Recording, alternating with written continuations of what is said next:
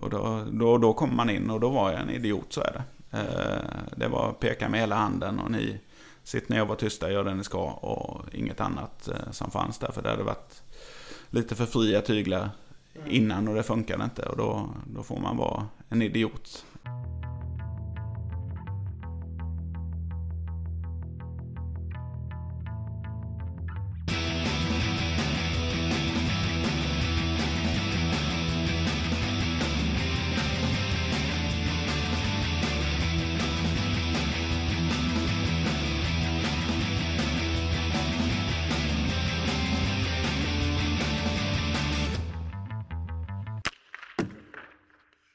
Hallå där! Micke Mjörnberg här, välkomna till ett nytt Trash Talk, en ny sommarintervju och Idag är det Magnus Ram som är gäst, tränaren som har blivit eh, ganska synonym med Tyringe men som också har positionerat sig som en eh, stor profil i Hockeyettan, en eh, man som inte är rädd för att säga vad han tycker och som har skapat en och annan rubrik genom åren. Jag tror att det ska bli ett samtal som faller er väl i smaken. Vill ni komma i kontakt med mig så hittar ni mig på Twitter, att Mjornberg och poddens Twitterkonto det är att Mjornbergpodd. Det är bara att skriva där så eh, kan ni komma fram med vad ni nu vill säga. Men nu är det dags att släppa loss samtalet med Magnus Ram. Trevlig lyssning. Idag har jag hittat hela vägen till Ängelholm, tränarmäckat Ängelholm och eh, då passar det väl ganska bra att ha en tränare framför mikrofonen också. Magnus Ram har jag hittat hem till. Ja, välkommen till Ängelholm och tränarmäckat. Tack så mycket. Eh, är det rätt att beskriva Ängelholm som, en, som ett tränarvecka? Ja, jag lyssnade på podden där när ni pratade om Ängelholm, att det var många och jag tror vi är 12 tränare som inte är i Rögle, så plus de som är där i Ängelholm. Många om jobben då? Ja, det finns inte så många jobb här heller. Det finns inte så många hockeyklubbar, men många hockeytränare. Är det något i vattnet eller varför hamnar så mycket tränare här? Jag vet faktiskt inte. Det är väl... Eh, ja, Rögle bytte ju mycket tränare i, för ett antal år sedan här. Och, och sen har väl trivs man bra i Ängelholm och blivit att alla har stannat kvar här också. Så, så det, det är tajt om jobben. Men hela den här 12 eh, personers skaran, är det Rögle-produkter? Nej, det är nog många av dem är nog inflyttade här. Och sen är det väl ett, ett gäng som är från Rögle från början. Men eh, det är nog många inflyttade också. Umgås ni något eller är det liksom rivalitet mellan eh, tränarna? Nej. Vem ska ta över Jonstorp i år liksom? ja, det är där de har svårt att få in eh, tränare i Jonstorp. Men, eh, nej, men man, man pratar ju med de flesta när man möter dem på stan eller på, på Ica. Eller, ja, det bor ju en, en tränare här inne som är granne med mig också. Så, så vi umgås ju en del. Det blir en del taktik över häcken. Ja, till fruarnas stora förtret så, så blev det mycket hockeysnack och fysträning och sånt här. Så. Skulle ha valt andra gubbar. Ja, tydligen. Eh, du blir, om jag har räknat rätt nu så blir du tredje Ängelholmstränaren i podden nu. Jag har haft eh, Tim Brithén och eh, Pelle Svensson tidigare. Ja. Så då blir du tre. Och vi kan ju rycka det plåstret direkt. Du tog upp Tryringe i Hockeyettan och blev petad till förmån av för Pelle Svensson. Ja. Eh, ska man se det som ett resultat av den här Ängelholms-rivaliteten? Ja, det, det, får väl vara lite, lite av den där. Men eh, samtidigt skulle Tyringe göra en förändring och in någon klubbchef och satsa på en halvtidstränare. Och då, det var inte intressant för mig egentligen ändå att, att ta det på halvtid. Utan eh, det gick till Pelle istället. Och det, det gick väl ganska snabbt efter vi hade gått upp där också. Så lite märkligt om du frågar mig. Och, men eh, det är andra gånger jag tar upp dem. Så, och andra gånger jag inte är kvar efteråt. Så. Nej, precis. Jag tänkte vi ska komma till det snart. Men ja. vad, märkligt säger du? Är det att de byter som är märkligt eller hanteringen kring själva bytet? Det är väl hanteringen kring eh, själva bytet. Alltså, jag tycker det är okej att man byter tränare. Det har jag inga, inga problem med. Men, men lite sättet man gör det där. Jag har inte varit i, i Tyringe sedan eh, sista matchen 20 april. Eh, jag har fortfarande inte haft ett möte med, med Tyringe Hockey. Så pass? Inget exit-samtal eller? Nej, det var ett eh, telefonsamtal på en halvtimme där, vi, där de kom med förutsättningarna och jag sa att eh, jag är väldigt tveksam till det och det ska jag fundera på. Och sen fick jag ett samtal sen att eh, Pelle skulle ta över och hade skrivit på. Eh, så det, det var inte mer än det. Men hur är känslorna nu så här i efterhand, några månader senare då? Nej, nej, men det är fortfarande lite märkligt. Och jag tycker det, eller sättet man gör det på, är, det är kanske inte det proffsigaste jag varit med om. Hockeyettan är inte alltid sådär jätteproffsig. Nej, nej det är det kanske inte. vi kommer till också. Men... Ja, nej men det, ja, jag får säga, de, de får göra vad de vill och tycker de det, det är rätt väg att gå med, med Pelle så kan man bara önska dem lycka till. Mm. Men som du säger, du har tagit upp Tyringe två gånger. Mm. Och fått eh, lämna båda gångerna. Jag ska se om jag läser till här. Så 14-15 så uh, tog du upp dem. Och det, eller det var kanske säsongen efter då, 14-15. Ja, 14-15 tog jag upp dem. Ja, och då tog Fredrik Hallberg över. Ja. Och nu tog du upp dem 21-22 och då tar Pelle Svensson över. Ja. Eh, finns det någon liksom, likhet mellan de här två gångerna? Nej, nej, det tycker jag nog inte att det gör. Förra gången var det ett eh, treårsavtal jag skrev på när jag eh, skrev på för Tyringe. Och då skulle jag ta upp dem på, på tre säsonger. Eh, och det var, var liksom målet eh, med det. Så där, där hade man ändå slutfört ett mål med det kontraktet som, som de tog dit mig för. Och då, då kändes det liksom lite mer naturligt att, att bryta. Nu hade jag ju fick jag ju komma in i en ganska turbulent tid i, i Tyringe där och sen eh, skriva ett nytt tvåårsavtal eh, med dem. Och då var ju målet att vi, vi skulle vara kvar i ettan. Eh, så den här säsongen i tvåan var ju bara en, en mellanlandning och då var det det var lite hårdare press på att vi skulle gå upp eh, det här året. Och, så, och sen att de byter nu när man lyckas med det och vi hade inte jag vet inte vad vi hade trupp för att gå upp egentligen. Det fanns ju inget, inget djup i den uh, truppen vi hade. Så... Ni fick ju in en del rätt fina namn längs med vägen. Ja, det ska man säga. Det, nej, vi hade jättebra... Uh, men vi hade ju bara 3-5 Vi spelade på 3-5 nästan till hela säsongen. Uh, och, och, det är ganska tufft. Speciellt i en kvalserie.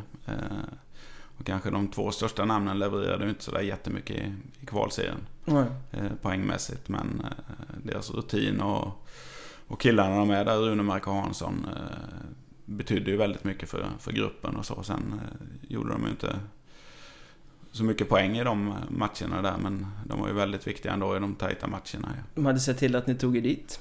Ja, kan man ju säga. det gjorde de verkligen. Ja, det fanns ju andra namn eller laguppställningar i den kvalserien som var starkare.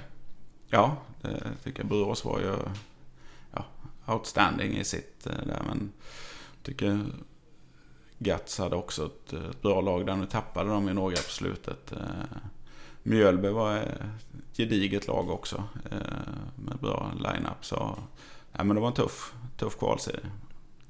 Ja, med division 1-lagen också som, som ja, men precis. Men på pappret ser det ju från utsidan lite så här smålustigt ut att Två gånger lyckas, två gånger får lämna.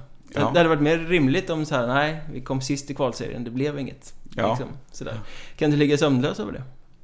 Nej, det gör jag inte. Det, det har jag varit med för länge för, så, så där är jag inte så sömnlös över, över det. Och att det finns ju andra jobb också. Eh, så det är inga, inga problem där. Du är lite för rutinerad? Ja, lite, lite så är det. Man är, man är van. Men vilket av de här avancemangen klassar du högst? Alltså vilket var roligast? Ja men det var nog första året ändå var, tycker jag var roligast. Eh, första gången vi gick upp. Eh, när det var, ja de hade väl varit nere i, i sju år tror jag i tvåan där Tyringe. Och, och då var det liksom, eh, och det var mycket mer folk på, på matcherna då också. Då var det bra tryck runt hockeyn där. Så, så det var roligare då. Att du kan nog historiken bättre än vad jag kan. Men jag har för mig att var det inte så att Tyringe var det här laget som alltid tog sig till kvalet men aldrig tog sig upp? Ja. I år kanske det är Tyringen så, nej. Det ja, var det inte. Så var det. De hade varit i kvalserien tre år innan jag kom dit. Och sen gjorde vi tre kvalserier med mig och gick upp eh, sista gången där då. Så det var ju ett... Ja, det var väl lite sättet man byggde laget på. Vi var ju var fantastiskt duktiga de två första åren jag var där. Men vi hade kanske inte den här tredje, fjärde femman. Utan då hade vi gubbar som gör 50 poäng som lirade i fjärde femman. Och det blir tufft när du möter division 1-lag. Men var det en lärdom ni gjorde längs vägen då? Att vi kanske måste bygga det här laget på ja, lite annorlunda sätt? Ja, men det var det. Och jag och Peter Lenngård tog väl över som sportchef för det här sista året och byggde väl det lite annorlunda när vi tog in lite killar som kunde vara i tredje och fjärde kedjan där med Mattias Mauritsson och Lukas Björnsson och de som, Just det, som, som kunde stänga matcher. Som kan tänka sig att gnugga. Ja. Men eh, du hade treårskontrakt då sa du, men hur blir det inte lite tröstlöst det där? Man tar sig till kvalserien, misslyckas. Tar sig till kvalserien, misslyckas. Ja, Hur uppbådar man eh, liksom energin att göra det en tredje gång?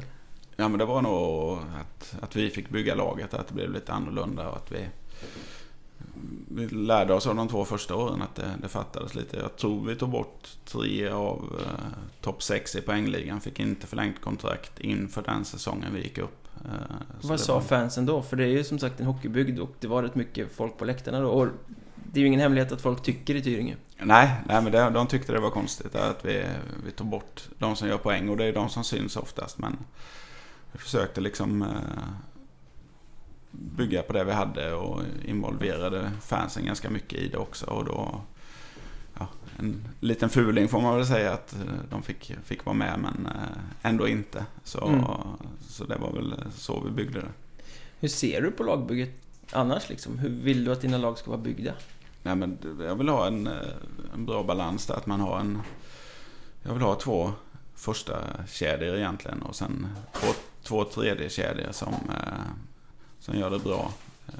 På den biten att man kan göra det där. Men sen är det viktigt att ha många, många spelare som kan spela på många positioner. Eh, sen var det i det laget var det ju några som åt mycket istid. Joel Persson var ju med, Runemark. Eh, så det måste finnas de här ledande spelarna också. Men att det är rätt personligheter eh, är, viktigt. Ja. Men hur motiverar man det för de här tredje, fjärde gubbarna när de kommer in? Hej, du ska vara med i det här laget men du kommer inte ta så mycket is utan du kommer vara den här vattenbäraren som ska göra att vi liksom blir starka i längden. Ja, nej, men det är den tuffa biten tycker jag. eh, Med det. Men där Hej, vi vill ha dig men du är inte bra. Ja, liksom. men, det, men där hade vi många, många egna killar. Ja. Eh, Ja. Det var många yngre egna killar från Tyringe som var, var med i den truppen och de accepterade det lättare. Eh, Samtidigt var det några killar utifrån som kom in och accepterade den rollen att de kunde vara balansspelare också. Och Mm. det, det, det lyckades att vi fick ihop eh, gruppen och alla köpte sin roll.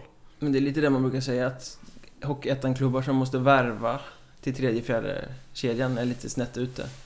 För där ska man kunna bygga på ganska internt i alla fall. Liksom. Ja, ja, men det, Annars blir det svårt att bygga ett framgångsrikt lag om du ska värva till den fjärde kedjan. Ja, men den bredden finns ju tyvärr inte idag. Eh, alltså det är inte många Hockeyettan-klubbar som har bra juniorlag. Eh, Nej, men som har ganska täta kontakter med SHL juniorlag eller så till exempel. Ja, ja men det är det. Det finns det. ju många som jobbar med det, att kunna fylla upp liksom en... Ja, det får man göra. Är, nu är det väl Halmstad som har elitlag och Troja. Eh, och där, där kommer det mycket underifrån när de spelar i elit och då kan de ändå gå in och ta den rollen. Spelar man i, nu vet jag inte vad Tyringe spelar i, J20 division 1 eller 2. Ja, och det, ingen aning. nej, eh, och det, är det- rekreationshockey. Ja, ja, men lite så att det är inte... Det blir ett för stort steg för dem att komma in. eh. Men sen kan man hitta guldkornen därifrån också. Mm. Och det, det lyckades vi göra. Men du nämnde Joel Persson här. Mm. Hur är det att ha fått vara med på den resan?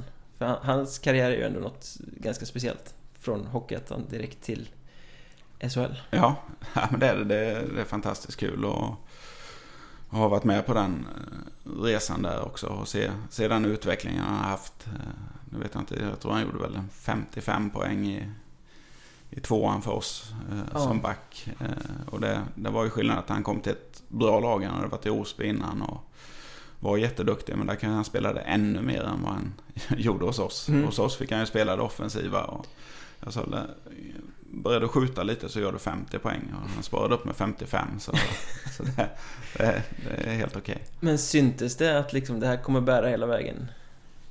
Till den absoluta toppen?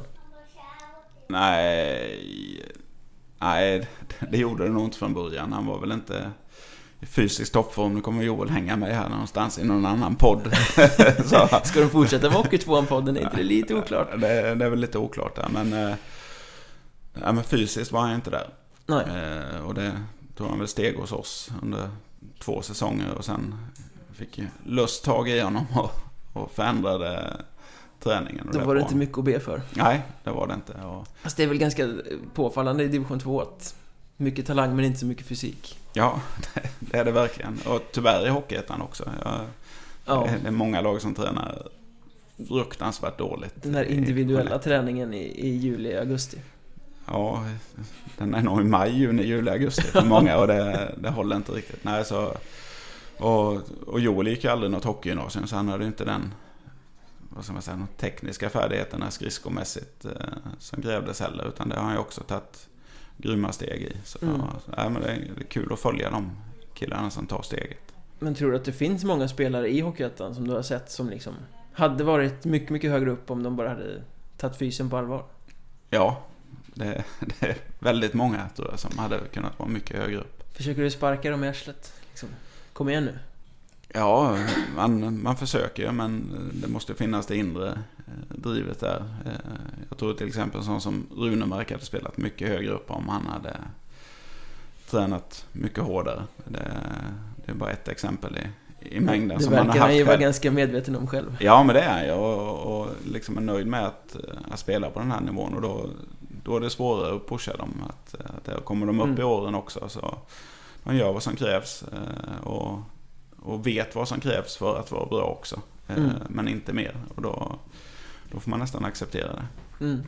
Men eh, för att återgå till avancemanget här då. Eh, just 14-15 avancemanget där var ju lite speciellt för då spelade ni klart kvalserien men visste inte om ni hade gått upp eller inte. Mm. Vi spelade väl uppe i Hanals, tror jag, sista matchen, eller i Kungsbacka där och, och kom tvåa efter Mörrum, tror jag var mm vann. Eh, och då var det bara ett lag som var garanterad plats. Men det har ju alltid varit två lag. Jag vet inte varför förbundet gör det. Det är väl för att skapa lite spänning. Det är väl för att friskriva sig ifall fel lag skulle ramla ner från Hockeyallsvenskan. Eh, på den tiden som Hudiksvall hade en eh, oskriven regel om att slippa spela i norra. Ja. De har ju blivit flyttade dit nu så nu kanske det blir lite Ja, så, så är det Men vi tog det som ett avancemang redan då. Tyckte att vi var klara själva. Så det hade blivit lite fiasko om vi inte hade tagit så, upp det. Så ni fästade in det i alla fall? Ja, det, det gjorde vi. Och det var, var liksom ett division 1-avancemang som vi, vi firade där och då. Men så, så hade det inte blivit det så hade det blivit lite konstigt. Det hade varit en kul fest i alla fall. Ja. men eh, när fick ni veta att det var klart, det tog sin lilla tid i alla fall. Jag tror det tog tre veckor innan det var, var klart att eh, man fick platsen. Ja. Blev det ny fest då? Nej. Då hade alla splittrats Då hade alla splittrats och, och det... Och det andra avancemanget nu då? Eh, vi pratade om att det första var kanske lite mer roligare för att det hade ni byggt på så länge. Mm. Men blev det samma firande här när ni gick upp? Inför ja, den här säsongen? Ja, men det blev det. Var det Hanhals också? Nej, det var inte sista matchen. Nej, det var Gats borta ja, i, i Finspång. Eh, en söndagkväll. Ja, det var en söndag vi var där. Så, så det blev... Eh, och fansen hade ju en busslast upp där också. Så det, det blev eh, lite fest på bussen och när vi kom hem. Men efter det var det inget mer. Nej, sen tog du dina träningsoveraller och åkte därifrån. Vi hade väl en match kvar tror jag. Vi spelade en hemmamatch till och sen, sen tog man grejerna och åkte liksom. Ja. Men det var nästan lite att ställa saker och ting till rätta i och med att ni åkte ut under coronasäsongen. Ja. Eh, ta oss med tillbaka till den. Hur var det liksom att spela coronasäsong, ingen publik, märkliga omständigheter och sen åka ur också? Ja, det var ju det var en tråkig säsong. Alltså, åtta personer på läktaren och eh, jag satt med Söder, Halmstad sportchef där på någon matchvärmning och satt och pratade. Och, Niklas Söderström. Ja, och det, det här är ju inte kul Nej. Det blir inget, inget tryck runt det och det känns som eh, träningsmatcher och framförallt då i serielunken på, på hösten när det inte är något då, då var det inte så jättemotiverande att spela matcher faktiskt. Det var, var nästan mer folk på träningarna för vaktmästarna och de var där och tittade. Så mm. det, ja, det var, var en mycket märklig säsong och vi hade ju en spelomsättning i Tyringe som var enormt stor också. Och det var... Och då halva USA drällde in i truppen ja, inför avslutningen? Ja, med lite sköna presentationer där av, av, spelarna. Vi vann första matchen efter jul mot Kalmar och gjorde väl fem mål. Och sen eh, bussen hem så kom det ut på hemsidan att vi hade värvat tre nya forwards. och jag hade inte informerat laget. Eh, om det. Så jag visste om det men jag tänkte att jag tar inte tar detta det innan en match och jag tar det framförallt inte eh, efter en match när vi har vunnit utan tar det hem. Eh, dagen efter på träningen. Men då kom det in där och då blir det ju... Skapar ingen jättegod stämning när man har 13 forwards på bussen som vet att det kommer tre nya amerikaner in. dansande här sen. Så. Men hade det en, liksom, en del i att ni åkte ur sen? Att det blev lite halvmärklig stämning med allt detta hattande ja, fram och tillbaka? Det, det tog ju några matcher innan det kom in eh, där. För att, ska väl säga sen att matchen efter hemma så powerbreak så presenterades en fjärde forward där, eh, Gaudreau. Eh, Just det, i Johnny Hockeys eh, brorsa. Johnny Hockeys brorsa i, i ett powerbreak.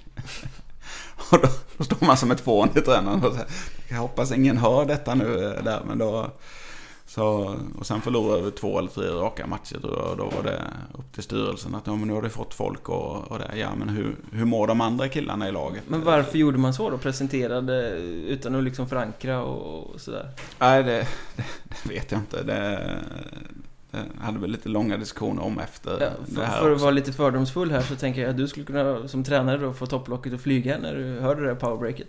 Ja, jag var, jag var inte jättenöjd med det.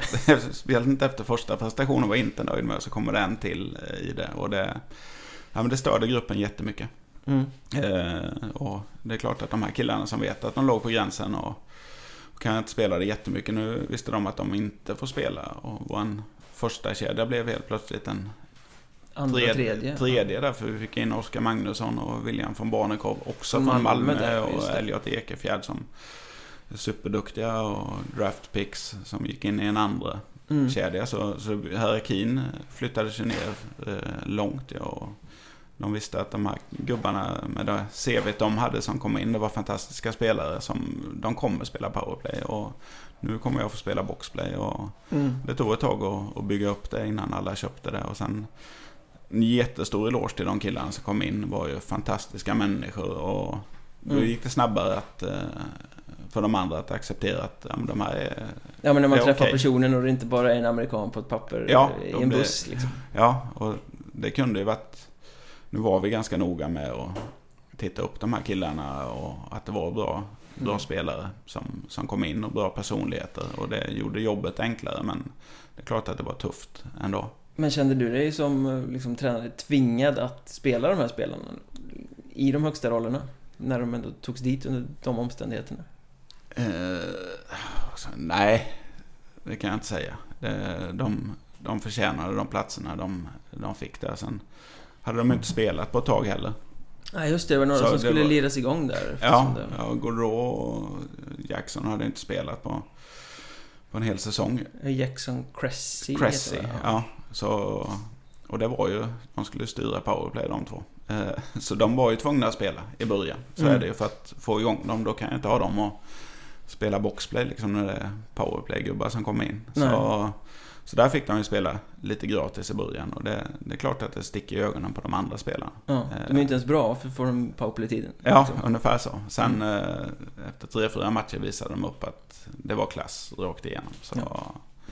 så det, då accepterades de av de andra också. Men ni spelade ju dessutom under rätt mycket press med tanke på att det var en bantningssäsong. Mm. Vilket ju kan divideras fram och tillbaka om det var så smart att banta ligan mitt under en pandemi.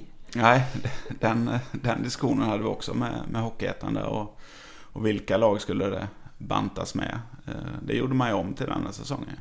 Mm. Att nu var det faktiskt de sämsta lagen som åkte ut.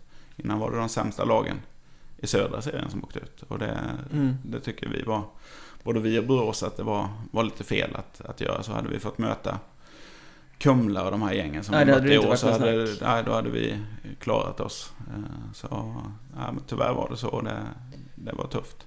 Ja, men hur mycket störde det då? För man, man, måste ju se det framför sig hela tiden att fan, det är fyra lag som ska bort här. Ja. Det är liksom... Nej men det är tufft. Verkligen. Och det var väl Kallinge och Tranås också. Som var i kvalserien. Det var Kallinge, Tranås, vi och Borås. Och det är ju inget, eh, inget man, motstånd man leker bort i. De är alla Nej, Kallinge och Tranås ska ju inte vara där i, nej, nej. först och främst liksom. Nej, så det var... Man visste ju att det var en fruktansvärt tuff kvalserie också.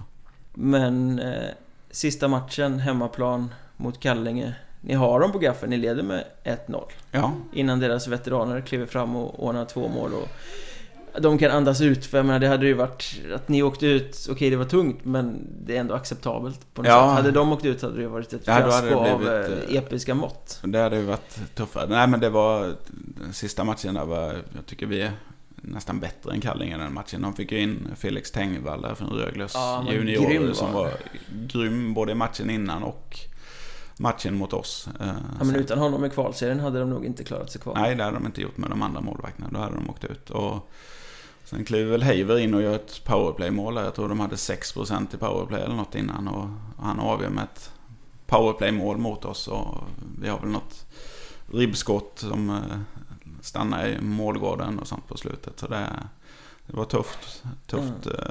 Och, där, och när man är så nära Ja, man kan tänka mig, det, det är väl aldrig kul att åka ur, men jag som inte tävlar tänker att det är kanske lite mer acceptabelt om det är klart tre omgångar från slutet. Att man liksom, nej, vi räckte inte till. Än att just den här, ja, nästan. Ja, nej, det stod ju mellan oss tre där. Borås var ju, räckte ju inte till i, i kvalserien och det är förlusten mot Borås hemma som gör att vi åker ut. Mm. Där hade vi ju nästan kunnat vara klara efter fyra omgångar. Men eh, så förlorade vi mot dem hemma. Och Ja. Tight kvalserie om fyra lag där också. Som... Ja. Så det... Jag tycker nästan det var roligare än när man spelar med sex. Ja, det är det. För det blir så blir viktigt det... liksom. Ja, och det blir något lag som blir avsågat ganska tidigt och inte har chansen. Och, mm. och när det är sex lag också så är det det är några lag som egentligen inte vill gå upp. Eh, Nej, precis. som också. Och inte har möjligheten att gå upp. Och då, då är de avsågade. Och, mm. och nu hade vi Kumla i år som kom med, när vi mötte dem hemma. Det var ju de fem bästa spelarna var inte med. Nej. Och de hade några juniorer med som, jag vet inte vad de har spelat innan, men det blir ju... De hade tränaren på, på ja, roasten, ja, Robert det, Berg.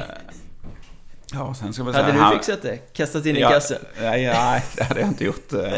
Jag kanske Kumla hemma då, där hade jag kunnat klara av det, men...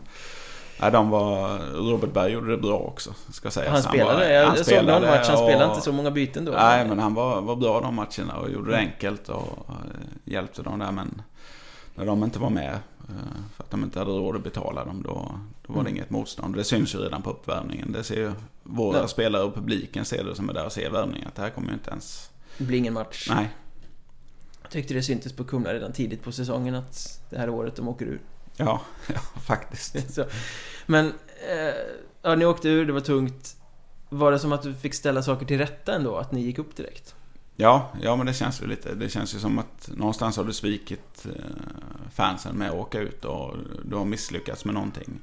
Och då är det ju skönt att kunna rätta, rätta upp det så snabbt som vi gjorde det direkt. Är det skönt att bo i Ängelholm då och inte behöva gå på Storgatan i Tyringen när man har åkt ur? ja, ja, det har jag alltid sagt att det är en, eh, det är en fördel eh, att åka dit och, och inte bo i Tyringen. För det, det är inte så stort som sagt och det finns, ja, det finns det väl två matbutiker men det, det finns alltid någon med åsikter i varje. Ja, så, så det har varit skönt att kunna åka därifrån när det har gått tungt. Och, och det var även under min första tid där var det ju, det kan bli livat om vi förlorar en match. Mm. Eh, och det, ja, men när det var en stor satsning liksom? Ja, då, då var det tufft. Förlorade vi mot så vi förlorade mot Limhamn hemma någon gång och då... Eh, Limeburners. Limhamn Limeburners, ja då var det inte så positiva tongångar. Då är det skönt att sätta sig i bilen och inte åka tillbaka på två dagar. Men vi måste prata om det. Eh, bandet mellan Magnus Ram och Tyringe. För nu har vi pratat om två sessioner där du har tagit upp laget till Hockeyettan. Eh, du har gjort en tredje också däremellan. Mm. Det känns som att du lämnar men du kommer alltid tillbaka. Ja, lite så. Det, vad är grejen liksom? Är ni eh, liksom eh, oskiljaktliga på något sätt? Ja, ja kanske det. Men, det, ja, men jag trivs bra där. Alltså med folket runt omkring eh, klubben där. Man har haft en, eh, några gubbar som har varit med hela resan. Där Jörgen Persson som har varit ordförande i många år till och från sitter i styrelsen nu som, som har gjort att det finns en kontinuitet i klubben och, och man känner folk. Och, det är väldigt många som jobbar ideellt eh, med det runt, eh, runt laget. Och det, det, är samma gubbar som sitter på träningen nu som eh, när jag var där för nu blir tio, tio år sedan. sedan. Så det, det blir liksom en familjär klubb på något sätt. Och det, det tror jag är fördelen med de här små orterna, att det, det blir det och inte... Storstadsklubbarna har nog inte samma Nej. kontinuitet i, sina klubbar där och där gör gör de det jättebra. Är det du som ringer dem eller de som ringer dig? Det är de som ringer mig. Eh, så det är, och det, ja, sista vändan jag var tillbaka var jag tittade. Då hade jag inget lag eh, efter Rögle-tiden här. Utan, Nej, det var J18-tränare i Rögle i två säsonger va? Två säsonger, Mm. och då eh, fick vi barn här samtidigt och det blev lite för tufft för eh, min sambo var själv så mycket och Mm. jag var borta nästan, nästan till hela tiden och då, sa vi det att då tar jag ett sabbatsår här men eh, jag förlorade väl Tyringe. Jag tror det var 26 av 27 matcher innan jag kom in. Så de, eh, Ja, du hoppade in förlorade. mitt i säsongen Ja, jag då kom in i januari där och då Klara er kvar. Klara er kvar och det gjorde vi. Tack vare covid. Om man vill säga det då att man bröt. Nej men jag tror vi hade klarat det ändå. Men, eh, och då, då är det lite att ja, men man vill hjälpa till. Eh, på något sätt. Att, ja, men jag sa det att jag, jag kommer in två veckor när jag får hitta någon annan tränare. För jag jobbar heltid på skolan nu och det, det kommer bli för tufft. Eh, mm. Det gjorde de inte och då sa jag nej, men jag, jag, jag hänger på eh, säsongen ut här och, och försöker rädda det. Och det Men du har lite hjärta där då liksom. Ja, men så är det Det, Ja, det är mer det som talar än att, att det är rimligt att ta sig an den arbetsbelastningen. Ja, den, den var ju tuff det året där och det... Jag tror det försvann åtta spelare när jag kom in. Eh, Mm. Ganska snabbt. eh. Som du sorterade ut eller som... eh, Jag sorterade ut sig själva lite får man väl säga. Jag gav dem väl möjligheten att försvinna. Okej. Så, och det, var man inte beredd att offra det som, som krävdes så kunde man lika väl ta sina grejer och, och gå. Och det var faktiskt några som valde att gå till sportchefen och säga att eh, Nej, men vi, vi är inte med på det här. Den här tokstollen ställer för höga krav så jag vill inte vara kvar. Ja, och då, då, då kommer man in och då var jag en idiot, så är det. Mm. Eh, Det var peka med hela handen och ni sitter ner och var tysta, gör det ni ska och inget annat eh, som fanns där. För det hade varit lite för fria tyglar Mm. innan och det funkade inte och då, då får man vara en idiot. Finns det något lustfyllt i det?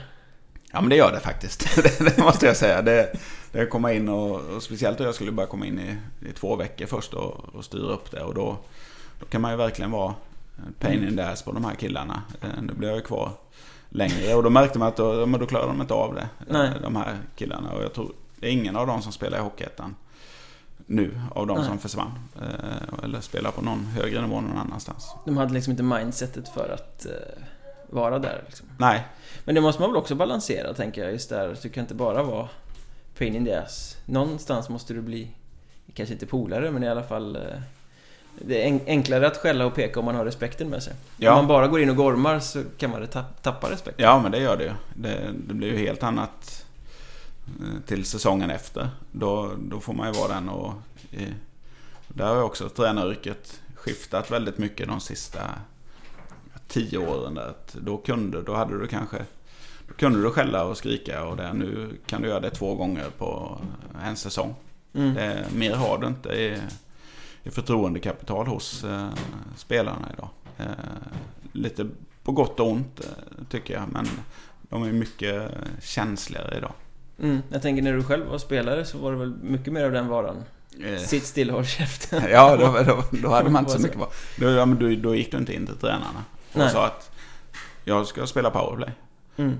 Ja, alltså det, det fanns ju inte den eller att jag ska stå alla matcher. Mm. Eh, det, då var det mer vi gjorde som tränarna sa. Ja. Men vi som står vid sidan av brukar ju lite så här eh, klyschigt slänga oss med, med uttrycket om 90-talisterna. Att det är de som är liksom den nya generationen som kommer in och, och gör att man får inte skälla för alla blir kränkta liksom. Ja, Är det så? Är det liksom att det är en ny generation av, eller är det hela samhällsutvecklingen som har gjort att Det är nog hela samhällsutvecklingen som är den. eh, Som 90-talisterna får klä skott för? Ja, ja det är det. Och jag tror inte det blir enklare. Eh, Jag som jobbar i skolans värld är också en del och, och möter där. Det, det är mycket rättigheter och få skyldigheter. Mm. Eh, Och det, det blir, blir svårt ja, att, att försöka vända det. Att eh, de, många spelare kommer att säga, vad kan ni göra för mig? Mm. Och ja, vad kan du göra för oss?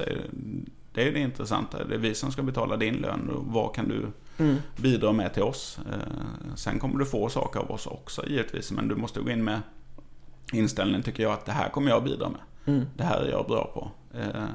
Och de här kraven kan du ställa på mig att jag ska göra. Men Mm.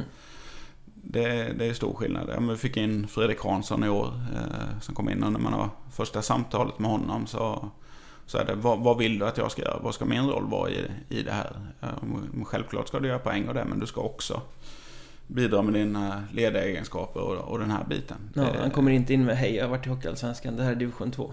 Ge Nej. mig powerplay eh, point. Nej, absolut inte. Utan det, han är ändå 33-34 och varit lagkapten i Kristianstad sex år eller vad han har varit. Och det, han kom in med, ja, det här kan jag bidra med. Och vad vill du att jag ska göra av det? Och, och det så där är det, det är väldigt stor skillnad mot, då kan du få in en ja, jag ska inte nämna några namn, men få in en spelare som kommer från juniorlag med galler eh, under covid-säsongen och, och ifrågasätter varför inte han spelar powerplay i en paus. Mm. Och då, då blir man lite chockad. Och då hade vi ju de här Gaudreau och Ja. Sam och Max, eh, Kåta. sva, svarar du på det då eller tar du det efter matchen? Nej, jag, jag svarade inte på det då och eh, då fick min assisterande tränare ta det efter också. eh, Med honom. Mm. För jag kände att men, här, jag kommer inte nå någonstans här och jag kommer bara bli Irriterad. Irriterad. Ja. Eh, Men det är väl lite det man ser också med spelare som byter klubb tre gånger per säsong. Det blev ingen powerplay efter tio omgångar, då flyttar jag till nästa klubb. Ja, ja är men liksom- så är det ju. Det då inte bara att det finns andra som är bättre, det ser de inte. Eller att de kanske inte har bevisat någonting för klubben. Och då, då är det lättare att ta sitt pick och pack och, och gå. Och det, tyvärr är det nere i junioråldrarna också. Man ser Mm. J18, J20, då byter de klubbar istället för att de inte får spela powerplay. Mm. Men hur viktig är dialogen här då i ett lag när en spelare vill det ena och tror mycket om sig själva och sådär liksom? Jag kan tänka mig att balansen är svår för du kan ju inte sitta och ha kvartssamtal med varje spelare för varje match. Nej, men nästan till det som krävs ibland. Att, att man måste, tycker jag, lite för mycket förklara sig. Varför man gör vissa saker. Att ibland gör du saker och du gör fel som tränare. Det gör vi jätteofta. Och, och det blir fel. Mm. Eh, och, och så är det. Och det ska man inte behöva förklara för en spelare varje gång. Eh, men ja, det, är video och titta på att du kan göra det här bättre. Och, Du var i fel zon här. Ja, vi hade stuckit ut där och vi släppte in ett mål där. För spelar du inte mer idag? Ja, men då är det lätt att hitta. Ja. Det gjorde inte han heller. Nej. Nej. Så, så det är tufft. Men dialogen är jätteviktig idag. Och, och sitta och du kan inte skälla och skrika. Utan du måste förklara och liksom vara öppen mot spelarna. Och, och framförallt se hur de, hur de mår killarna. Mm. Alltså, många av de här yngre flyttar hemifrån tidigt. Och det är långt från familj och, och kompisar och, och den tryggheten där. Så, så det är jätteviktigt eh, att ha en dialog med dem också. Mm. Har du någon nytta av att du jobbar i skolans värld också? Här, liksom just med det pedagogiska? Nej, ja, eller, ja lite nytta har man. man Eller de vet- kanske hjälper varandra? De, de hjälper varandra lite på, på något sätt också att, eh, att kunna det. Och man har blivit mycket mer pedagogisk nu än man var förr så är det. Och, och där, där hjälper ju killarna till också. Eh, och, och ställer de här kraven. Och då, då lär vi oss av det också. Men det är mycket mer pedagogiskt nu än vad det var eh, förr. Ursäkta att jag stör, jag hoppas att ni gillar samtalet så här långt men jag vill bara påminna om att man kan stötta podden via Patreon. Med några riksdaler i månaden så hjälper ni till så att vi kan göra den här podden så ofta som möjligt och på ett så bra sätt som möjligt. Och gör ni det, då får ni bonusmaterial också, extra poddar som kommer i samband med varje avsnitt. Och eh, den här veckan så snackar Magnus Ram om det där med att ge coachorder, vem som egentligen är den mest underskattade tränaren i hockey Hockeyettan, vad det är som värst och som bäst att spela i de olika arenorna och väldigt mycket annat spännande. Vill ni ta del av det materialet så stöttar ni podden på Patreon, gå in på patreon.com, sök efter Mjölnbergs Trash Talk så står det precis hur man gör för att stötta podden och för att ta del av bonusmaterialet. Nu tillbaka till samtalet. Jag ska testa en fördom här nu. Mm. Eh, Det, liksom intrycket av dig att du kan vara ganska yvig och vass och butter ibland. Eh, och reagera snabbt men samtidigt väldigt rak och uppriktig i det. Som att du är liksom genuin i dina känslor och uttryck på något sätt. Ja, men så, så är det nog. Det, det får jag nog hålla med om att jag kan vara. Och uppfattas nog ganska butter av, av spelarna och eh, så här också. Men eh, ganska mjuk och, och så lätt att prata med ändå innanför omklädningsrummets väggar. Ja, även utanför skulle jag säga. Ja, jag tror ja. både du och jag har haft olika synpunkter på saker vid, olika tillfällen. Ja, ja men så är det. Och det men, men jag står för det jag, jag tycker och eh, vill, vill väl ha min åsikt fram också. Och då kan man verka lite så. Det ligger väl i fatet för en också. Eh, lite mm. att alla kan inte ta det. Att, att man tycker det. Utan då blir det lite svårt och, och man känns lite ja, lite, lite jobbig att ha att göra med kanske. Och det, men jag, där tänker jag aldrig vända kappan efter vinden bara för att få ett jobb så ska jag ändra mig. Eh, och det, i slutändan kommer det aldrig bli bra heller utan eh, de ska veta vad de får och, och så ska man hålla den. Det går inte...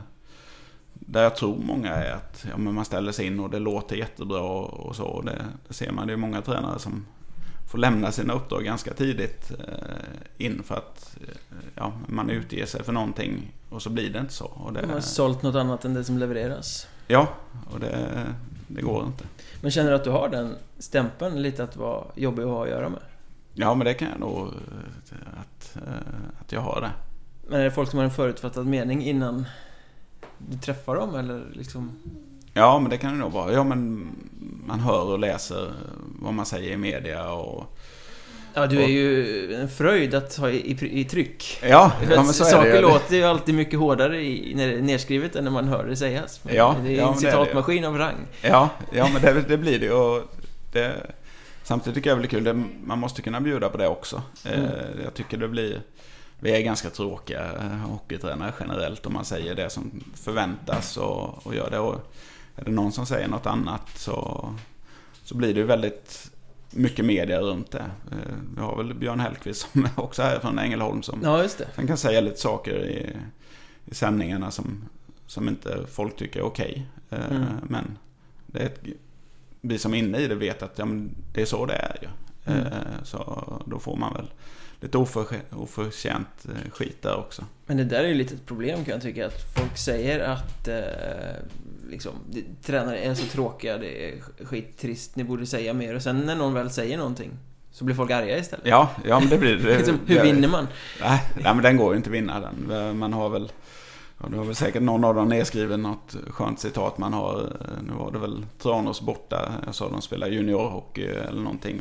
Ja, den gick de igång på. Ja, den tjatade sa... de om en hel säsong. Ja, och, men de gör det fantastiskt bra sa jag och är mycket bättre än oss. Ja, fast det, det kommer ju inte med. Det glömde man i det och, och det också. Och de, de körde över oss. Vi kom ut ur zon i första perioden och hade jättesvårt med det här. Och det...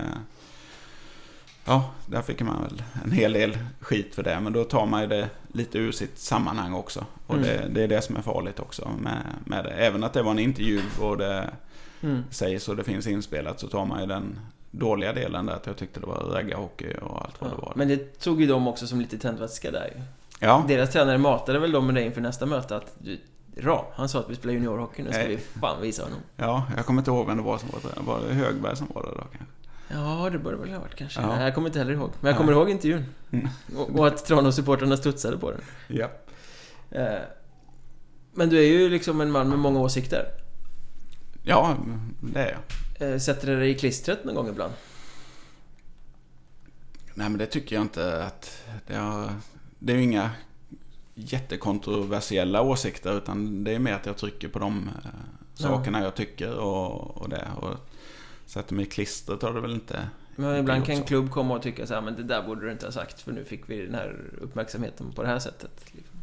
Nej, det har faktiskt inte haft något uh, så där klubben tycker att man har uttalat sig dumt uh, på det sättet. Uh, det, man har väl haft en styrelse som kanske inte har gjort de bästa uttalanden heller. Nej, precis. Det, där har vi det. Det är därför du alltid kommer tillbaka till Tyringen, för att ni matchar varandra. Ja, matchar varandra med att eh, de kommer med lite, lite konstiga uttalanden. Och... Ja, och då framstår du som den, den lugna i rummet. Så att... Ja, och vi hade väl någon rasistskandal där också som man fick eh, stävja för något år sedan. Och...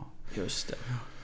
Så det nej, men det, det, är sådana saker. Och då, ofta kommer de tillbaka mot eh, klubben då. Det här uttalandet vi hade var mot Amil Krupic i Kristianstad. Där, Just det. Som det, det, det är fem, sex år sedan. Fem, det var nog där när jag var ett, en säsong bara en Ja. spelare som sa något. Jag var i Spanien när det eh, briserade så det minns jag väl. Jag kan liksom sortera in det på... Ja, och jag tror till och med spelaren som sa det har delat lägenhet med Emil Krupic i Malmö. Så, Ja. så det var lite sådär och, och blev ju uppförstorat i Aftonbladet och Expressen också. Och då fick man ju ta, ta mycket där också. Eh, som tar ju energi men... Eh, Mm, men i ett, i ett sånt fall så ska man ju inte försöka försvara eller liksom...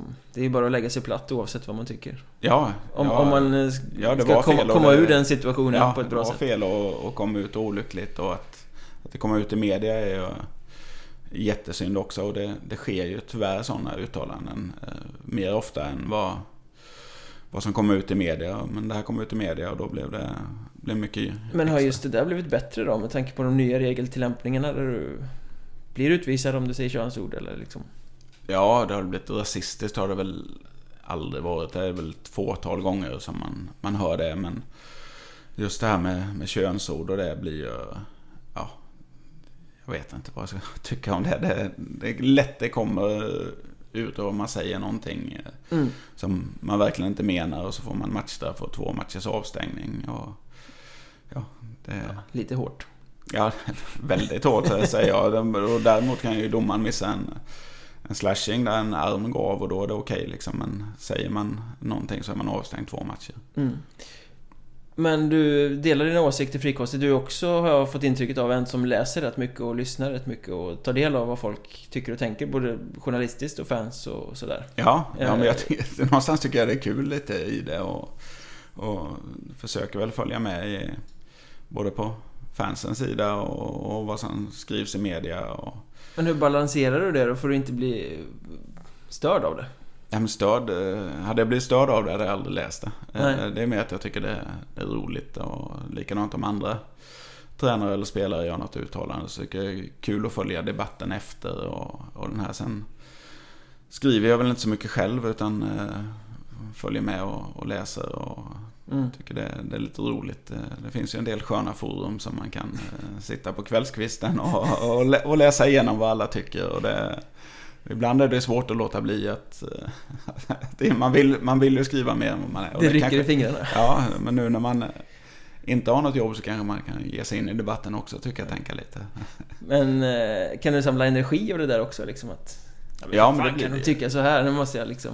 Ja. Nu ska jag visa. Ja, ja, men det blir det. Samtidigt som vissa uttalanden man gör själv ger energi till motståndarna och där måste man ju vara, vara smart i sina uttalanden. Att det spär ju på lite den så kan man ju samla energi vad andra eh, tycker också. Mm. Så Men funkar det verkligen så att ett annat lag som man ska möta blir bättre av att man hånar dem lite? Nej, det är mer Det är så många blir- tränare som köper nej jag ska inte säga något för jag vill inte ge dem energi. liksom. Nej, det, det är väl att man kanske snackar om det innan att det har hänt något eller någon har sagt något och då mer som en rolig grej än att man har inte det i ett inför matchen snack liksom att eh, sa deras tränare att vi var odugliga på det här utan Nej. Det är, ju- det är mycket killarna och det snackas om det kanske ett par dagar efter det har kommit ut liksom. Det, Mm. Så det, nej, det är svårt, svårt att ge energi med, med uttalanden från andra. Men en sån klassiker är ju när du hade Halmstad och mötte Södertälje i eh, Playoff 1. Kan det ha varit det? Ja. Säsongen 15-16. När du inför matchen sa att, att de heter Södertälje är det enda som imponerar på mig. Det är ett upphaussat lag som har allt att förlora. Mm. Sen Ja. gick ni ut och förlorade med 2-7-0-8. Eh, ett klubbmärke sa jag nog något där och det var, skrev ju du ut. Och det var faktiskt lite roligt. Vi pendlade härifrån Ängelholm. Vi var tre stycken i, i bilen och det tar tio minuter när man är uppe på Hallandsåsen. Och då hade du lagt ut detta och då hade jag 262 notiser på Twitter.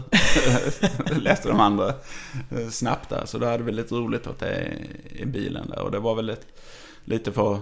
Ja, Södertälje var ju ruggigt bra då med Skinnars och alla de hade där. Och vi visste väl att vi, vi har nog inte så mycket chans här egentligen. Utan var, gjorde ett bra och tog oss till playoff. eh, Där inte Halmstad hade varit på något år. Och, så det var, var väl lite mer att ja, ta bort pressen. Flytta fokus lite till dig som person bort från laget. Ja, och det, det lyckades i tre minuter. Då tog vi ledningen med 1-0 mot eh, Södertälje. Och eh, tre minuter senare tog jag timeout för då hade vi inte nuddat pucken.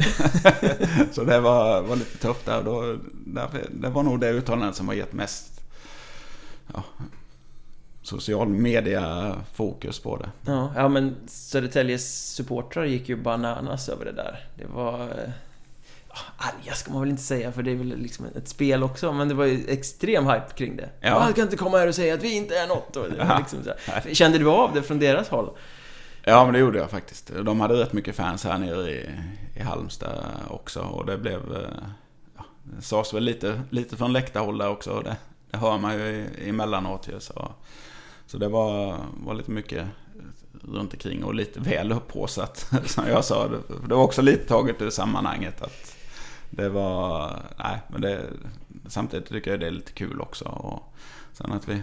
Hade vi? 15-2 i målskillnader på två Ja, matcher där. så Så, det. hade vi inte så mycket att säga till om. Och Nej. det, det visste vi väl på förhand också. Att, eh, och de gick ju upp det året också. Så, Ja, det gjorde de. Eh, De hade väl inte bucklig säsong. Det gick inte riktigt så bra som det var tänkt genom allettan och sådär. Men sen löste det sig i alla fall. Det, det, det löste sig för dem på sista. Och jag tror också det är, är nog den bästa vägen att gå. Alltså går man obesegrad igenom allting och det, det är det blir inga, inga bomb på vägen så, så blir det tufft att komma in i playoff och en kvalserie. Mm. Eh, För då är man inte van att, att förlora. Och det kan jag relatera lite till de säsongerna jag var i Tyringe där.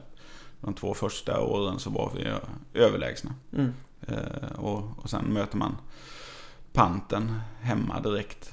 Och oj, det här är en helt annan nivå Ja, än vad vi är vana vid. Och då, då blir det där. Så jag tror att man, man måste ha lite hinder på vägen också för att stärka gruppen. Och, och då måste man samla ihop gruppen. Mm. Vinner man bara så ja, men då tappar du energin och Tappar glöden. ödmjukheten där till Ja, slut också. För att då, det, vi vinner ändå liksom och det, Mm. det löser sig. Eh, Men det gör det inte när du möter bättre motstånd. Då, då blir det tufft. Eh, Men hela den här Södertälje-grejen, eh, hänger den fortfarande med? Är det en sån här grej som kommer upp? Ja, men det, det kommer väl upp i, ibland, framförallt när man träffar lite gamla spelare och man sitter och pratar att eh, den är skön där. Och det är många av de här citaten som är i omklädningsrummen också som, som dyker upp när man träffar eh, Ja. lite folk. Så, så det, det är mest roligt tycker jag. Alltså. Det finns en sån här liten bok, Rams lilla röda, som man kan... Ja, Runemark och Joel Persson har eh, många citat där som man tänker, hur tänkte jag när jag, när jag sa det där? Men du är ju, känns ju som ganska passionerad som coach. Eller som hockeyperson överhuvudtaget. Hetlevrad och passionerad. Ja. Även om du säger att du har lugnat ner dig, men det kanske har med åldern att göra. Ja, det, det har Eh, nog att man har blivit eh, förälder också så får man lära sig lite tålamod där. Men, eh, ja, men de spelarna som, ja, som har följt med mig genom åren, där Runemark har väl haft sex säsonger. Frågar man honom så är det nog så- ganska stor skillnad på hur man var Ja.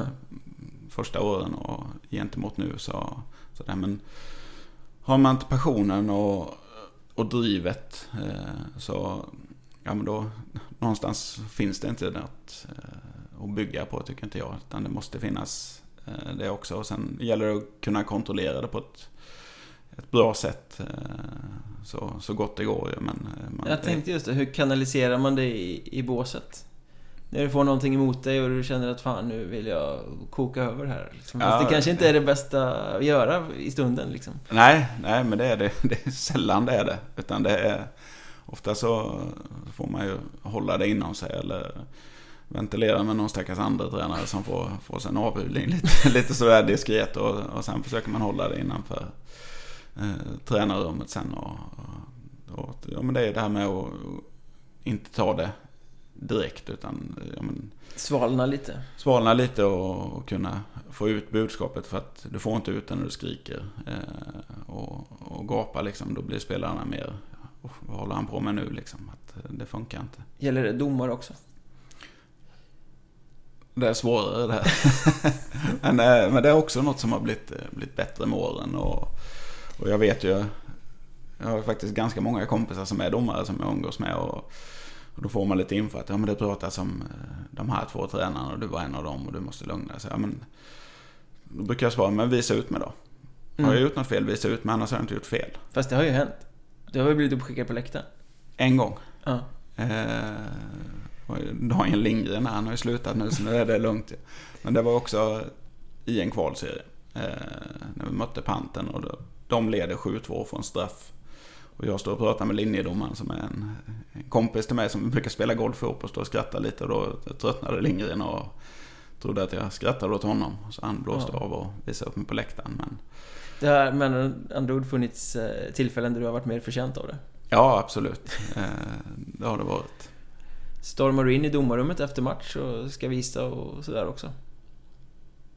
Ja, om jag vet jag har rätt. Tror man inte alltid att man har rätt? Nej. Men vet jag att jag har rätt och de säger att jag har fel då, då brukar jag försöka prata med dem att eh, fråga liksom varför. Att det blir svårt för mig att förklara för mina spelare Mm. när uppenbarligen inte är så här. Och där tycker jag en svaghet hos många domare att de kan inte säga att de gör fel. Nej. Och de domare som kan erkänna det och säga oh, han gjorde fel, vad ska, vad ska jag säga då?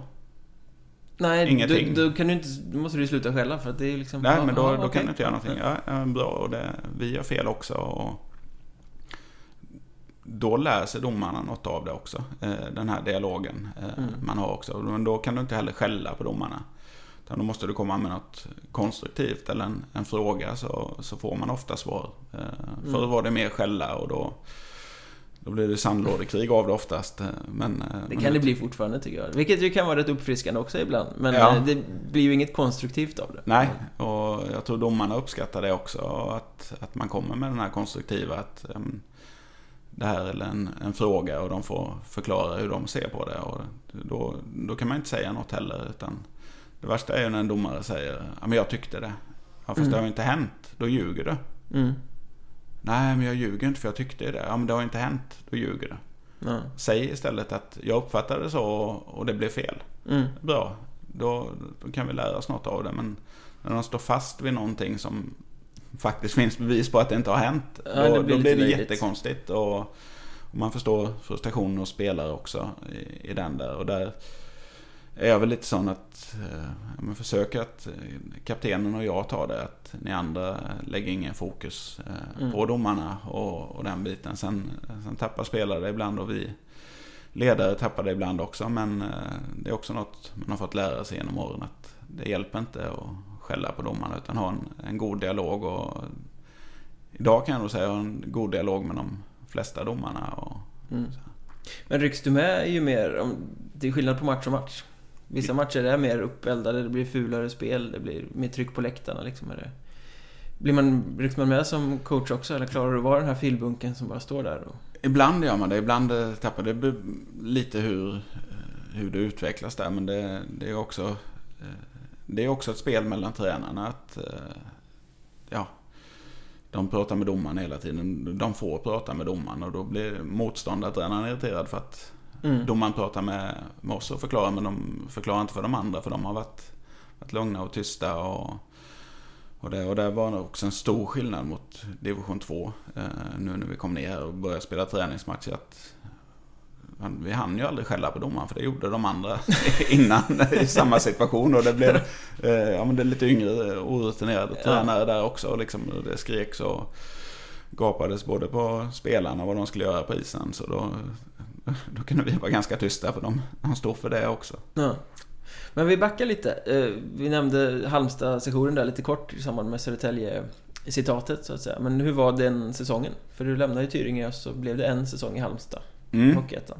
Det var väl, ja, ska jag säga, det, det var lite skillnad på, på föreningar. Tyringe är eh, en fantastiskt välskött eh, förening. Det har alltid funkat, det har aldrig varit några problem med material eller löneutbetalningar och den har varit fläckfri alla åren jag har varit där. Eh, och så kom jag till Halmstad som hade lite sämre ekonomi och det fanns inte hur mycket material som helst utan eh, där fick man eh, verkligen tänka till och alla hade inte fullt med klubbor och det fanns inte alltid pengar att köpa in material där. Så det var en, en ny värld för mig men där jag hade lite svårt att acceptera det. Men det här måste ju funka bara för det, det ska Mm. funka. Eh, medan spelarna kanske hade varit år och de var lite vana vid det att det var Det är så här det är. Ja, det är så här det är. Och, och den biten. Så där var det lite, lite skillnad. Men det var ett fantastiskt lag att komma till och en, en bra stad eh, hockeymässigt. Eh, det var ju mycket publik emellanåt, ska väl sägas. Det var, när det är gratis. När det är gratis. Eller och när, när det är Södertälje på besök. Ja, eller när man möter Troja. Troja Ja, började väl med åtta bortamatcher den säsongen när de byggde om hallen. Ja, just och Troja kommer ju alltid med bra supporteruppslutning till Halmstad. Ja, och det var väl första matchen tror jag vi mötte dem hemma och det var 2-7 på läktaren. Sen att det var 2 500 från Ljungby som hade tagit turen ner så, så var det där. Men eh, tycker det är ändå en bra hockeystad och de har stor potential i det och har gjort ett fantastiskt jobb sedan jag var där. Eh, och tagit sig till kvalserien två gånger va? Ja, En- final en gång och Final en kvalserien gång. en gång. Ja, och Det är så här varannan, varannat års lag. Jag har varit nere lite i, i kvalserien också. Men Mm. eh, de har gjort ett, eh, ett hästjobb där och är helt klart på rätt väg. Och tror det kommer bli bra där också. Även om man inte når målet med allsvenskan eh, som man hade till denna Nej, men det kändes ju lite som det var ryckt ur luften. Ja, Man måste göra rätt för sig först innan man kan satsa. ja, ja så. så är det ju. Men, eh, nej, men de har gjort en fantastisk resa och Freddan har väl varit där i, alltså, sen jag lämnade tror jag. Ja, och sen Luther var ung. Ja, ungefär. Eh, och Söder där som sportchef och de har gjort ett, ett jättejobb. Så det, det var en kul tid att, att vara där också. Men när du lämnade Tyringe och kom till Halmstad så säger du att du kom till en fattigare klubb. Eller sådär. Men på pappret såg det väl nästan ut... Omvärlden tänkte att du gick till en större klubb än vad du var i innan. Ja, Eller är det en misstolkning? Liksom? nej men det var det. De hade ju spelat i ettan i många år. Och, och det var ju, sen de åkte ur allsvenskan så har de väl varit i ettan eh, nästan till hela tiden. Så, så det är en etablerad ettan-klubb eh, man kom till. Och, så där, där var det, och på pappret var det ett bättre lag än, Mm. än vad Tyringen var. Och, eh, många rutinerade spelare som eh, de gjorde väl sin sista säsong, väldigt många av dem där, Reis och Kolsov och Just det, du hade dem också, ja, precis. det här är Johan Andersson, ett, ett härligt gäng eh, killar som var, var rutinerade. Så du, du kom ju till mer färdig produkt än vad Tyringen var. Så ett, ett större lag var det ju så, men kanske inte de ekonomiska kraften var samma i, i Halmstad som den var i, i Tyringe. Mm. Du, ditt namn har ju cirkulerat nu igen. Mm. När, när det är, kaos i Halmstad och de ska bygga om och ha ny tränare och, och sådär. Ja, Ska vi sluta det hjulet också då? Runt och tillbaka till Tyringe, runt och tillbaka till Halmstad. till Halmstad igen. Ja, nej, jag tror inte det blir så faktiskt. Eh, Men sen ska jag inte förneka att jag har haft en, en dialog med de här Både, både före och efter styrelse, kaoset, eller styrelsemötet där och det... Nej, så, så jag tror inte det blir något i, i Halmstad där och sen får vi se ifall det blir det senare. Men det li- ligger inom lämpligt avstånd här från Ängelholm och eh, som sagt var de har gjort en, en bra resa eh, och det är klart att hade jag fått erbjudandet hade jag inte tackat nej, så är det. Eh, så. Troligtvis finns det väl något presenterat när det här kommer ut, men vi, vi, vi får väl se vad det blir. Ja. Sen får man väl inte, man kan väl inte sticka under stolen med heller att du kommer lite från en hockeyfamilj, i alla fall om man tittar på din brorsa. Ja, det, jag har inte bara min bror utan det är, det är faktiskt hela familjen Ja. som, eh, som har jobbat, eh, jobbar eller har jobbat med, med hockey. Både mamma har jobbat på kansliet i HV och pappa har varit eh, med i styrelsen och tror, han är fortfarande jobbar lite med kiosken där inne och håller på i Husqvarna Garden. Och lillsyrran har faktiskt också varit i Ängelholm och jobbat och var med när de byggde Lindab hette det väl då och drev eh, shoppen och det här också. Så Det som heter Catena. Catena nu ja. Eh, Så, så vi har faktiskt alla tre syskon varit i Rögle. Brorsan har ju spelat här också. Så, Mm. så det finns en liten koppling till Ängelholm också. På. Men hur har det här format dig?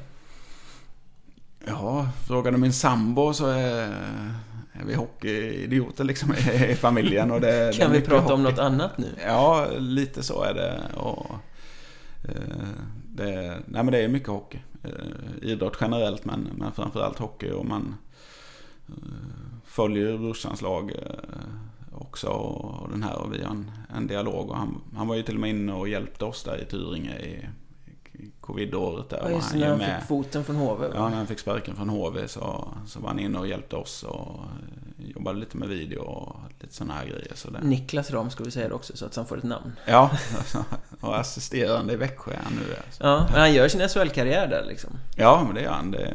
Har ni mycket utbyte? Du säger att han kom in i Tyringen när han var mellan jobb, men eh, har ni mycket utbyte under säsong när ni har varsitt lag sådär? Ja, jag frågar mycket om, om råd där, för det är en, en helt annan värld de lever i. Eh, sen kan ju inte jag ta allt det han tycker och att vi ska göra, för vi har inte samma eh, förutsättningar att, jobba med. Men, men där lär jag mig väldigt mycket och sen, sen fall han har så mycket utbyte av mig, det vet jag inte. Men eh, det, det, är klart att man, man är med och stöttar. Han hade ju en eh, fruktansvärt tuff tid i, i HV och, och den biten där var det ju, och det är ett annat medialt tryck där än vad det är i Hockeyettan. Ja, det är ju varje tänkt, steg bevakat. Ja, så är det och då det är klart att vi pratar mycket och byter erfarenheter med, med varandra. Så, men jag tror att jag lär mig mer av honom än han lär, mig, lär sig av mig.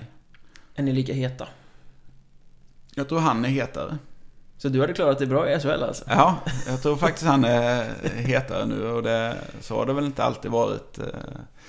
Eh, även som spelare så var han ju väldigt lugn och det kanske inte jag var riktigt. Jag eh, var väl lite hetare där också. Haft, det eh, finns någon skön story, jag kommer inte ihåg vem som berättade den om att du fick psykbryt och fått skott i huvudet på träning. Ja, det kan hända att han, han killen som sköt det, det var inte, var inte bara ett skott utan han, när han sköt tredje skottet och, så, ja, så spelade, han spelade inte matchen efter i varje fall. Men vad strävar du med, med eh, tränarkarriären? Alltså, Tittar du i brorsans väg eller liksom har du någon tanke om vart du vill ta det? Ja, men jag vill ju ta det så långt som möjligt eh, och kunna jobba så högt upp som möjligt. Sen vet jag att det är en eh, svår väg eh, att ta sig dit. Eh, det som man ska ha rätt namn och rätt karriär. Jag kanske har rätt namn men jag har inte, inte spelat i SHL och den här biten. Och det, det gör det lite svårare och du måste någonstans rucka lite mer än vad jag eh, kanske har varit beredd på att göra på dina eh, åsikter och den här utan mer ja, ta sig dit eh, upp så, så krävs det att man eh, ja, sig in lite eller vad man ska säga. Ja, att man, eh, mer politik kan man Ja, säga. lite mer politik i det och, och det Sen måste man ha möjligheten också att kunna besöka de här och visa upp sig och, och göra den eh, tiden. Så det är ju ett Ja men det är lite, vi går in i ett val här nu och det är lite att vara politiker och sälja in sig själv och, och göra det och det, det kanske inte är min, det är väl min svaghet som tränare att jag har svårt att, att sälja in mig själv och, och säga hur, hur, bra jag är och hur duktig jag är och det här eh, biten så, så det, men det är, såklart vill jag träna så högt upp som, som möjligt i det. Och... Känner du att du har blivit lite typecastad som Hockeyettan-tränare? Ja, det, det är väl ett fack man har hamnat i lite. Att man, man är på den nivån och det är svårt att ta sig upp för man har varit här så länge och, och har den här biten. Så, så jag tror att någonstans är det ett steg att eh, kanske ta något utomlands och, och göra någonting där. Eh, för att ta, ta steget vidare. Det är svårt att komma från Hockeyettan och kanske ta sig upp i Allsvenskan. Det, det är några namn där och där, ni är ju duktiga på att hjälpa till och håsa vissa tränare att de är fantastiskt duktiga. Och så undrar man ibland vad, ja, hur har ni lyckats hitta det här liksom i det? Och det, eh, det är därför det, vi bara babblar inte, ja, inte jobbar nära isen. Utan. Ja, nej men det, det är lite där och det, det handlar också om en sån sak som att ha en bra relation med journalister. För att eh, får ni en bra känsla för en tränare så kanske ni inte vet hur han är som tränare, men han är jättetrevlig mot er och visar mm. lite resultat och då får han mediatid. Så är Klubbarna definitivt. läser media, så mm. är det. Och, och då blir man lite upphåsad och, och kanske får den här chansen. Så man kan, tio andra egentligen var bättre hockeytränare, men de har inte synts lika mycket. Nej, precis. Och jag tror det finns jättemånga duktiga hockeyettan-tränare idag som kanske är bättre än vissa som är högre upp. Men de syns inte, hörs inte så mycket och de, de är nöjda vid att vara i sin hemort.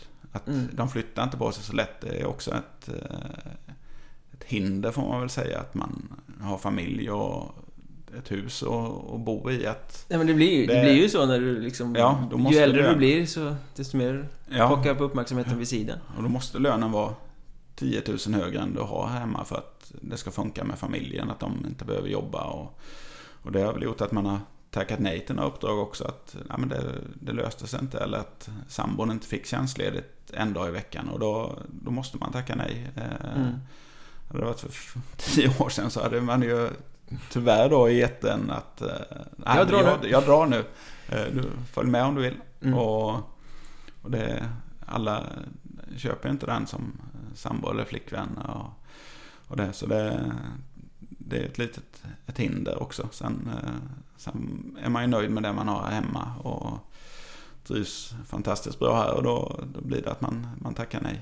Eh, både på, på gott och ont. Man har något bra här hemma men man vet inte vad man missar i andra sidan. Men familjen ska man ändå ha hela livet och uh, hockeyn det kanske Den blir en säsong. Ja, men det blir åtta månader iväg och ska du offra familjen för det och, och den biten. Så där måste man ha en dialog hemma hela tiden och det, det har vi här hemma också. Och diskuterar och pratar mycket när det kommer erbjudanden. Och, och det, det är klart att det ena sidan lockar det fantastiskt mycket att ta det här uppdraget. Men kommer det funka här hemma eh, mm. måste man ju väga in hela tiden. Ja, det är inte så jävla kul att pendla heller. Om det är för långt bort. Nej, om Ligga och slicka asfalt i skogen liksom. Nej, det, det, går inte. Och att man är hemma en dag i veckan och missar de här dagarna med, med grabben och, och den här biten. Det, det blir tufft. Och samtidigt så alla hockeyfruar gör ju ett fantastiskt jobb. Ja. Eh, det är imponerad av dem att de orkar med. Och eh, när vi kommer hem sura efter en förlust eller glada efter en vinst och ska ja, söndag eftermiddag så ska man diskutera matchen i en halvtimme med någon i telefon när man har varit borta mm. sju timmar. Det, det är tufft och där, där är pendlingen en fördel. Ja, du kan klara av det i, kan klara av det i bilen och man kan framförallt andas ut eh, innan man kommer hem och, och koppla av och vara pappa och sambo istället för att vara hockeytränare. Och det, mm. det, där hjälper de till också. Eh, att nu får du koppla bort det här hockeytänket. Och, Frida sa faktiskt det innan du skulle komma idag. Nu har du det där hockey-mindsetet igen. Att du ska, ja, jag ska en eh, podd. Så jag, Nej, men du, nu är du hockeytränare igen. Okej. Ja, då vet man det. Ja. Men ett steg att ta sig till eh, Hockeyallsvenskan till exempel kan ju vara att kliva in i en assisterande roll. Mm. Skulle du vara öppen för det eller är du liksom en, en, den typen av tränare som skulle kunna vara assisterande? Ja, och det är något man får lära sig. Eh, mm. tror jag att eh, det är inte du som har sista ordet. Du måste ta ett steg tillbaka och lyssna och, och, det, eh, och det. Jag tror det är mycket, mycket lättare när du har en mer rutinerad tränare. Mm. Där som, som kan mer och, och där man kan lära sig saker. Och den tiden jag var i Rögle där, vi hade ju Gunnar Persson där mm. ena säsongen som har vi ytterligare en i, i tränarmeckat Ängelholm? Ja, så eh, det blir ju... Då, då, kan man ta mycket lärdom och att han har varit med och, och det är kanske inte just speltekniskt utan mer som, som person. Och tog jättemycket lärdom av Gunnar. Han är med, med killarna i laget och en eh, fantastisk person vid sidan av och duktig hockeytränare. Det, där man lär sig hela tiden och då är det lättare att ta ett steg eh, tillbaka. Mm. Hur långt ser du karriären? Alltså, skulle du vara nöjd om det inte blir något med tränarjobb nu? För just nu när vi spelar in, nu är vi mitten i juli, nu har mm. du inget uppdrag. Nej, det, ja, ja men det skulle jag kunna vara och, och säga det. Men samtidigt så, så brinner jag för det fortfarande och, och vill hålla på med det. Och det, det är få förunnat att kunna jobba med sin hobby. Mm. Eh, där vi är väldigt lyckligt eh, lottade. Så så det är klart att jag är sugen på att ta ett eh, tränaruppdrag igen. Men jag tror också det är nyttigt att ta ett steg tillbaka och inte vara det eh, hockeytränare. Utan du kan åka runt och titta på lite hockey och faktiskt ha tid att lära sig av andra, prata med folk och, och det. Det har man inte under säsong. För att vara division 1-tränare, det är bra mycket mer än 40 timmar i veckan. Du ska inte bara sköta en träning. Nej, utan du ska planera och, och göra allting och samtal Så då hinner man inte med och har inte energin till det. Och, och få en höst ledig här igen och kunna eh, åka runt och titta på lite hockey. Eh, eh, det är nog bara nyttigt tror jag. Det låter ju som ett alldeles utmärkt slutord. Ja, Kul att du ville vara med. tack.